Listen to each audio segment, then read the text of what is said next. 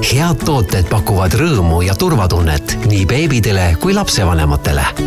oleme peredele rõõmu ja turvatunnet toonud kakskümmend aastat, sest teame, mis on parim.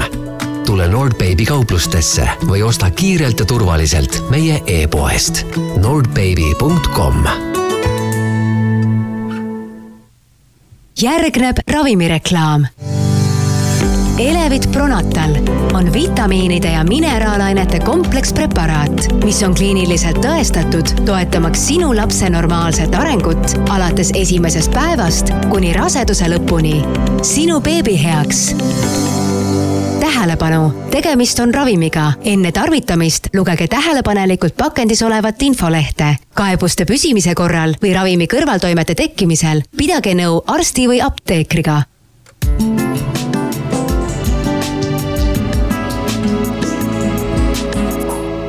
tere, hea kuulaja!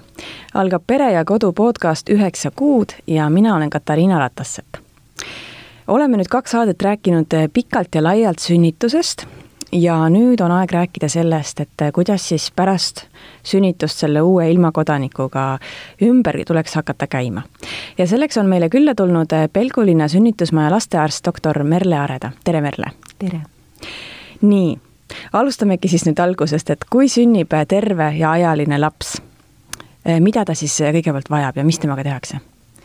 terveajaline laps, kes sünnib heas üldseisundis, ei vajagi midagi muud peale selle, et ta saaks olla oma ema läheduses, olla oma emaga nahk naha vastas soojas kontaktis ja see ongi kõik tegelikult, mida talle päriselt vaja on. ja niipea, kui ta sünnib, ämmaemand aitab ta koheselt siis emale kõhu peale, ta küll kuivatab ta, laps tuleb ju märjast keskkonnast, ta annab sooja ära, just jahtumine on see, mis, mis lapse kohanemist võib natukene rikkuda ja selle tõttu on see sooja hoidmine hästi tähtis.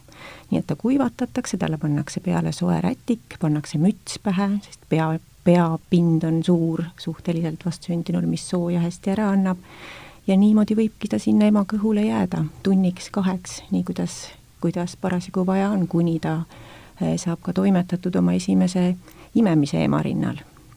millal ta peaks esimest korda saama piima? Eh, tunni jooksul oleks hea ja, ja enamik beebisid seda ka saab. et kaks tundi on umbes see, see aeg, mis, mis ema koos beebiga on ämmaemanda silme all veel jälgimisel sünnitustoas ja selle aja jooksul kindlasti see esimene imemine toimub ära. kui oluline on see, et see esimene piim oleks tal just rinnapiim? Mitte piimasegu? kindlasti hästi oluline, piimasegu, kui võimalik, üleüldse oleks eh, hea mitte saada, et ikkagi ainult rinnapiim just ternespiim on hästi oluline. et ta on hästi selline rammus, ta sisaldab hästi olulisi aineid eh, beebi jaoks, mida iialgi ei ole võimalik ühessegi segutoitu panna, seal on ema eh, hormoone, immuno-, immuunolo-, immunoloogilisi aineid, rääkimata väga headest toitainetest, et et see on, see on just see kõige olulisem beebile hakatuseks saada, et see aitab küpsetada tema eh, tööle, tööle hakkavat soolt ja, ja annab talle siis selle esimese energia. mille pärast veel on rinnapiim oluline või hea lapsele? Eh, rinnapiim on eh, oluline lapsele noh, nii, see on looduse poolt niimoodi sätitud, et igale imetajaliigil on tema oma ema rinnapiim kõige parem, et kui lehm, lehma laps vasikas vajab oma ema piima, siis inimese laps vajab oma ema piima, see on väga spetsiifiline, liigispetsiifiline. ja sisaldab äh, sisaldab, võib ka öelda täitsa sellise, selle, selle konkreetse paari ema-laps, ähm, selle ema piim sellele lapsele on eriti oluline just, mis puudutab seda immunoloogilist poolt seal rinnapiimas. aga ta sisaldab täpselt õiges koguses kõiki toitaineid, mis lapsele kasvamiseks ja arenemiseks vajalikud on. ja, ja on ka leitud, et et ka edaspidi see tervise suhtes on, on just rinnapiim kõige, kõige parem toit vastsündinule ja imikule.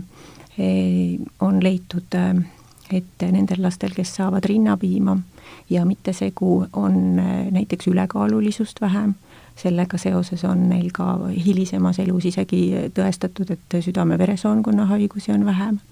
lisaks on rinnaga toitmine ka ema tervisele oluline on, on ka näidatud ära, et imetavatel emadel on varases vanuses näiteks ka rinnavähki ja munasarjavähki vähem.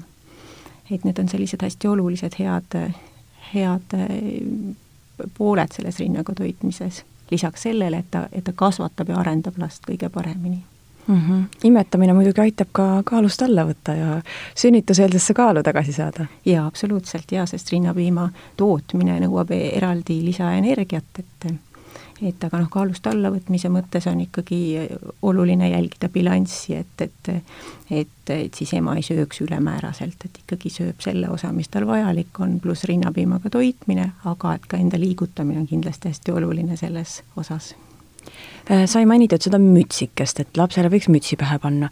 kui kaua siis üks äh, beebi peab seda mütsi kandma?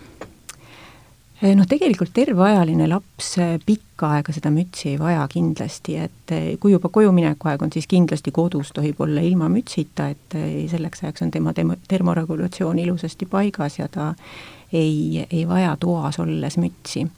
et noh, põhimõtteliselt nii kaua, kuni see peakene ära kuivab lihtsalt, et, et siis võib juba mütsi peast võtta. kui soojalt üldse peaks olema üks vastsündinud titariides? nii, et tal on hea olla et kindlasti mitte ei soovita panna kindaid kätte, et käed on, käed võiksid olla alati paljad lapsel, see annab talle ka turvatunnet, ta katsub iseennast, ta on harjunud ennast katsuma kõhus olles, imernud oma käsi, ta tunneb seal seda lootevee maiku, et, et see on selline turvaline element lapse jaoks. aga, aga muus osas nii, et kui katsuda teda turja pealt ja ta on sealt ilusti kuiv ja soe, ja tal on äh, nähtavalt hea olla, et siis, siis nii ongi hästi. milliseid kontrolle ja uuringuid siis titale pärast sündi sünnitusmajas tehakse veel? Äh, no kindlasti vaatab üle lastearst, äh, kas ühe või kaks korda, kuidas, kuidas jõuab, tavaliselt püüame kahekümne nelja tunni jooksul vaadata esimest korda lapse üle, siis kuulata, katsuda pealaest jalatallani on võimalik üks tita üle vaadata ja ka koju minnes kindlasti on siis selline korralik ülevaatus. aga lisaks sellele siis ka teeme mitmeidki sõeluuringuid. Esimene neist on, toimub juba kusagil siis kahe tunni vanuses, kui hakkame peret üle viima sünnitustoast perepalatisse. et siis kontrollime ühe anduri abil, mis pannakse käele ja jalale, kuidas on tita vereringe pärast loote looteiga tööle läinud ja, ja näeme siis selle anduri abil, et kas hapnikusisaldus veres on korras. Et selle abil siis äh, leiame üles need lapsed, kellel on veidikene kohanemise probleeme, leiame üles need lapsed mõnikord, kellel on ka mõni infektsioon, et see annab veidi vihjet ja, ja muidugi ka siis südamerikete puhul annab see informatsiooni. Eh, siis eh, kolmandal elupäeval, ehk siis kui laps on juba nelikümmend kaheksa tundi vana, mitte varem, saame uurida last ainevahetushaiguste suhtes. et on siis kakskümmend haigust, mille suhtes saame uurida, sõeluuring tähendab seda siis, et et, et selle uuringuga püüame üles leida, välja sõeluda siis need lapsed, kellel on risk, risk ainevahetushaiguse tekkeks, õnneks on need haigu-, ainevahetushaigused väga harvad, aga nad on selle eest üsnagi halvad haigused, kui nad tekivad, ja, ja nende puhul ongi oluline saada see haigus kätte enne, kui tekivad mingisugused sümptomid, ja, ja kõigi nende kahekümne haiguse puhul on võimalik mingi ravi, et me saame siis seda last abistada. et eh, võetakse siis seal kolmandal elupäeval Äh, varbast vereproov, kus siis sellisele kuivatuspaberilaadselt äh, paberile immutatakse neli veretäpikest ja neid siis geneetikalaboris uuritakse paari nädala jooksul. ja on kokku lepitud, et kui, äh, kui kõik on seal korras, et siis ühendust enam perega ei võeta ja kui mingi probleem leitakse, siis kutsutakse kordusuuringutele mm. -hmm. mis need kõige levinumad probleemid on siis, mis vastsündinutel võivad olla? Mitte nüüd ainevahetusest me ei räägi. jah, üldse, et mida võib siis lastearst leida sünnitusmajas?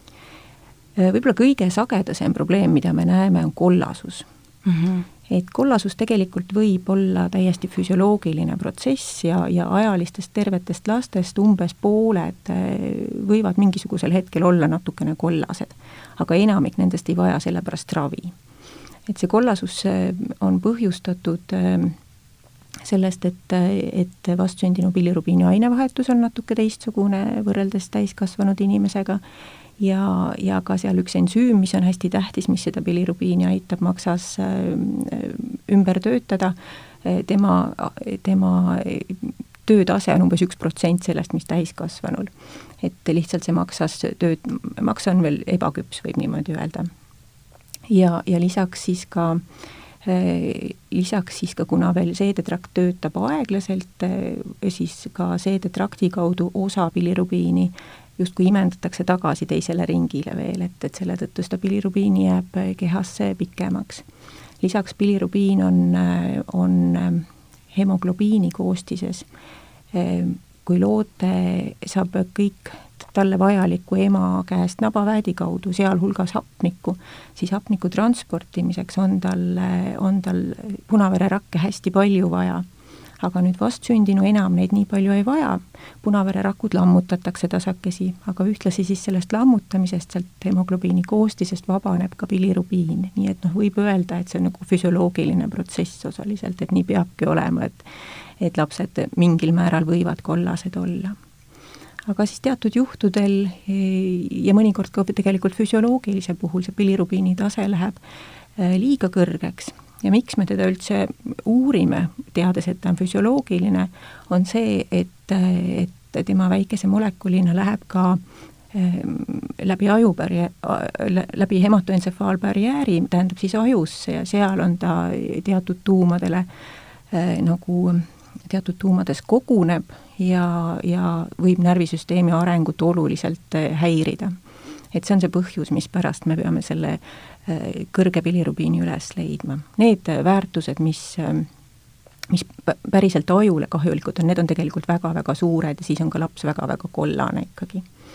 et, et selliseid neid närvisüsteemi häirega lapsi, kes on just bilirubiini pärast kahjustatud, neid me peaaegu et enam ei näe, kuna meil on nii täpsed äh, võimalused seda bilirubiini üles leida ja seda ka ravida.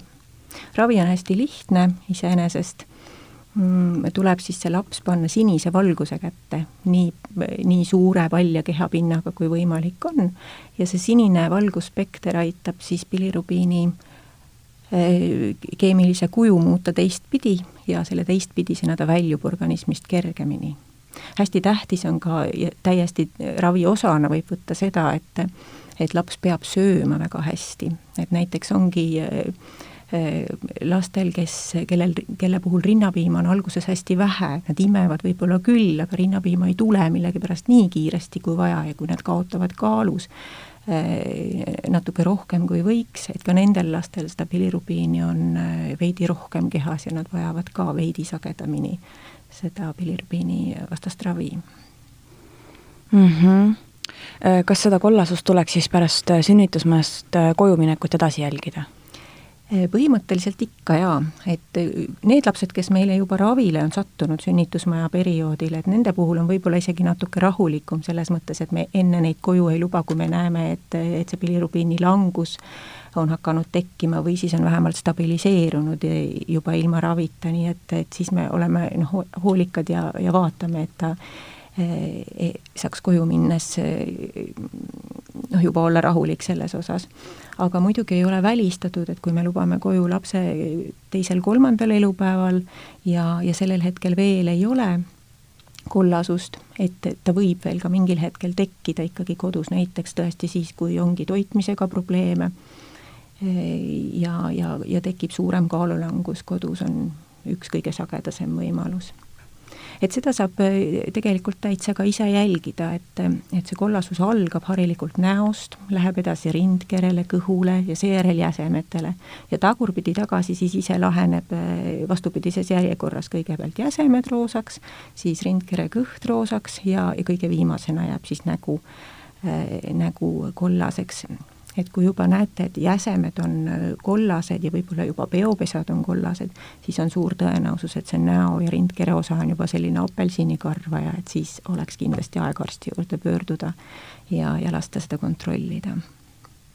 rääkisime nüüd kollasusest, aga millised probleemid on veel levinud kohe alguses? no kohe pärast sündi näiteks ongi, näiteks kui laps jahtub maha, et siis, siis me sageli näeme sellele järgnevat veresuhkru langust, millega küll abistamist aitame sellega, et aitame lapse sööma, et enne, kui mingeid invasiivsemaid asju hakkame ette võtma, et enamasti sellest piisab, kui me lihtsalt suuname ta regulaarsemalt sööma ja, ja teinekord on vaja siis ka ka lisaks ema rinnale saada segu juurde, kui see veresuhkur väga, väga madal on vahel äh, tuleb ka ette seda, et ähm, et vot kui lop-, lapse kops on äh, looteeas vedelikuga täidetud, et vahel tuleb ette seda, et see kops ei puhastu nii hästi kohe sünniga koos. et sellised lapsed jäävad äh, niimoodi kergelt oiglema ja, ja hingamisfunktsioon ei ole äh, hästi korras et, ähm, et, et ka neid lapsi saab mõne tunni vältel äh, abistada siis äh, pakkudes neile sellist hingamisabimaskiga, kus, kus siis rõh-, äh, väikese rõhuga abistatakse see vedelik sealt kopsust imenduma, et seda tuleb ka vahetevahel ette. aga millised tingimused on abivajavatele beebidele ja nende peredele siis Pelgu linna sünnitusmajas? Ehm, julgen öelda, et suurepärased, et äh, abivajavatele lastele on meil täpselt samuti nii nagu tervetelegi lastele pere intensiivravipalatid, kus on siis äh, lapse jaoks, kes mingit abi või ravi vajab, kõik, kogu äh, jälgimissüsteem olemas, hapnik, hingamisabi võimalused, õde saab pidevalt last jälgida, laps on kogu aeg õe silma all, aga ka vanemad on sealsamas äh, lapse kõrval, et soovi kõrva, soovi korral vanemad saavad ennast lihtsalt uksega eraldada, kui tahavad, aga kui ei taha, võivad olla pidevalt lapse kõrval ja kogu aeg siis sellest raviprotsessist äh, osa saada. ja väga kiiresti vanemad tulevad kaasa ja hakkavad kohe-kohe abistama oma Äh, oma äh, last ja õpivad õe kõrvalt selle lapsega toimetamise kiiresti ära nii, aga räägime nüüd ikka jälle sellest tervest ja ajalisest lapsest, et kui kõik on hästi, siis milliseid äh, süste ja vaktsiine tehakse lapsele enne sünnitusmajast lahkumist? jah, esimene süst, mida juba tehakse sünnitustoas, on K-vitamiin. see on siis üks rasvlahustuv vitamiin, tema osaleb äh, mitme, umbes nelja-viie hüübimisfaktori töös ja, ja teda looduse poolt millegipärast vastsündinu organismis ei ole ja ka rinnapiimas on imeväike kogus teda, nii et sellises töötavas koguses teda ei ole ja selle tõttu teda siis süstitakse. lapse organism hakkab ise seda K-vitamiini nüüd kohe pärast sündi küll tootma, aga ta sellisele töötavale tasemele jõuab alles kuue kuu vanuseks. nii et kui nüüd need hüübimisfaktorid hästi ei tööta, siis on oht selles, et veri ei hüübi hästi, võivad tekkida verejooksud ja et siis neid verejookse ära hoida. ja peamiselt hoiab see K-vitamiin ära just vastsündinu hilise mm, verejooksudega tõve ja, ja miks see tõbi on halb, on see, et selles hilise, hiline hemorraagiline tõbi et selle puhul umbes kaheksakümmend protsenti nendest verejooksudest toimuvad aiu ja see on tõeliselt äh, keeruline olukord nii kogu meditsiinisüsteemile kui ka sellele perele loomulikult endale, nii et igal juhul on nagu mõistlik sellised äh, riskid maandada ja see K-vitamiin teha. ja, ja selle siis teeb ämmaemand, äh, kui vanemad sellega nõus on, juba sünnitustoas. see on et ma saan aru, et otseselt ta nagu midagi ei anna, aga ta on nagu ettevaatusabinõu, et juhul, kui peaks lapsega midagi juhtuma, midagi sellist, et tal on vaja seda vere hüübimis äh, e, võimekust, et siis tehakse see ette ära ja e, jaa, noh, selles mõttes ta ikkagi otseselt annab, et ta nagu asendab selle puuduoleva mm -hmm. K-vitamiini ja need hüübimisfaktorid saavad kenasti töötada ja, ja verejooksude risk äh, on maandatud mm. -hmm. loomulikult on muudest põhjustest verejooksud ka alati, kas või traumagi olemas, aga, aga just siis see K-vitamiini puudusest tekkiv verejooks saab ära hoitud. Ameerikas on alustatud selle K-vitamiini süstidega, süstimisega juba kusagilt kuuekümnendate algusest ja nemad on selgelt näidanud, et kui enne need verejooksud aiu olid suurtel lastel, see on siis ütleme tõesti kolm, kolm kuud kuni kuus kuud ja, ja veidi vanematelgi et pärast selle süstimise alustamist need tõsised ajuverejooksud jäid ära mm. -hmm. nii, aga mis vaktsiine tehakse sünnitusmajas? sünnitusmajas tehakse ainult ühte vaktsiini, see on tuberkuloosivastane vaktsiin ja seda võib teha juba esimesel elupäeval ja tehakule see siis vasakule õlavarde, eh, nahasisesi ja, ja selle kõrvaltoimeid ausalt öeldes me sünnitusmajas ei näe, et, et palavikku tema ei tekita ja, ja mis ta küll võib, mis ta peab ka tegema, paari nädala jooksul tekib sinna selle süstimise koha peale niisugune väikene äh, paapulikene, see koht hakkab armistuma, mõnikord ka tekib sinna villikene, kus on siis sellist kollakat äh, seroosset äh, mädasarnast, võib-olla isegi vedelikku ja, ja see on kõik selline normaalne reaktsioon, see näitab, et seal siis antikehade tekitamine on, on peale hakanud, et et see peab olema, et siis seda kohta tuleb lihtsalt korraks või noh, puhastada ja, ja nii see ongi, et mõnikord väga-väga harva võivad tekkida ka lümfisõlmede poolt reaktsioonid, et lümfisõlmed seal kaenla all suurenevad, aga see on ise taanduv protsess tegelikult, et selliseid väga tõsiseid kõrvaltoimeid ei teagi, et oleks räägime üldse natukene vaktsineerimisest veel, et et see on ju ikkagi meil ühiskonnas selline põletav teema, et, et on väga palju inimesi, kes on vaktsiinide vastased ja, ja kardavad vaktsineerimist, et äh, kas, kas, kas sina saad nende hirmudest aru ja, ja kuidas neid hirme üldse võiks siis maha võtta? eks ma saan aru küll jah, et need, miks, miks need vaksi-, vaktsiinide vastaseid, kui, kui sa satud lugema mm, noh, kuidas ma ütlen, valesse kohta internetti, et et nad rõhuvad emotsioonidele, et keegi kirjeldab äh, oma isiklikku kogemust, äh, aga tegelikult ta ei, ei tea, kas see tema kogemus on üldse vaktsiiniga seotud, aga noh, see on inimloomusele nagu omane, et sa tahad seostada millegiga, mis just vahetult enne tehti. mingi põhjuse peab et leidma. mingi põhjuse sa justkui pead mm -hmm. kuskilt leidma, aga noh, sa ei suuda seda tõestada mingil, mingilgi moel, et nad on omavahel seotud hästi palju on ju äh, räägitud äh, vaktsiinide kõrvaltoimetest, kas või autismiga seoses või need kõik on tegelikult kummutatud, need äh, uuringuid on tehtud väga-väga palju ja, ja väga suurte inimeste hulkadega, et vaktsiinid on tegelikult täiesti ohutud ikkagi et eh, noh, selles mõttes nad on puhtad, et ütleme, et kui on ainult ühe vaktsiiniga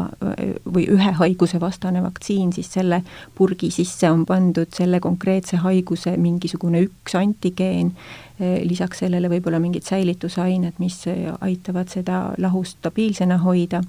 Ja, ja see ongi siis see üks antigeen, mille vastu immuunsüsteem peab pisut tööd tegema ja need antikehad tekitama et võrreldes meie noh, igapäevaeluga, kus me puutume kokku, beebi hakkab ju kohe kokku puutuma tuhandete ja tuhandete antigeenidega, mida ta sisse sööb, mida ta katsub ähm,, lemmikloomad, kõik need annavad äh, täpselt samamoodi tööd äh, immuunsüsteemile.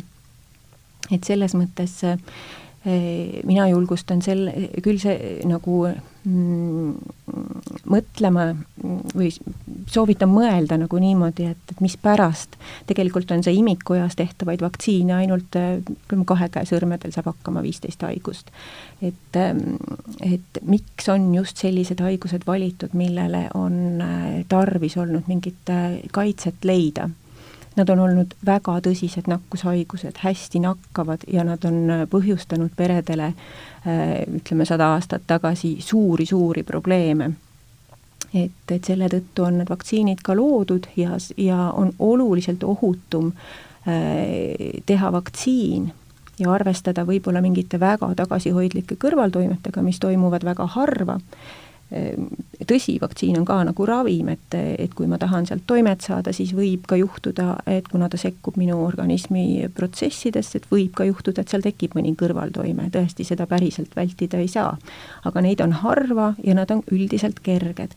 Ehm, või siis valin selle teise variandi, kus ma ei vaktsineeri ja arvestan sellega, et äkki ehm, äkki ma satun kokku selle päris haigusega ja, ja pean läbi tegema siis selle kadalipu põdedes või põetades oma last äh, raske nakkushaigusega, arvestades, et ka minu võib-olla teised lapsed kohe saavad selle nakkuse, et see on nagu, pluss veel tüsistused, et see on kindlasti halvem valik ja kindlasti on see nii lapsele halvem valik kui ka endale hiljem nagu noh, läbielamiseks, et kindlasti see vaktsineerimine annab, äh, annab mulle selle kaitse, see on nagu elukindlustust võib võtta, et et ähm, et, et siis ma võin loota, et nende haigustega mul tegemist ei tule.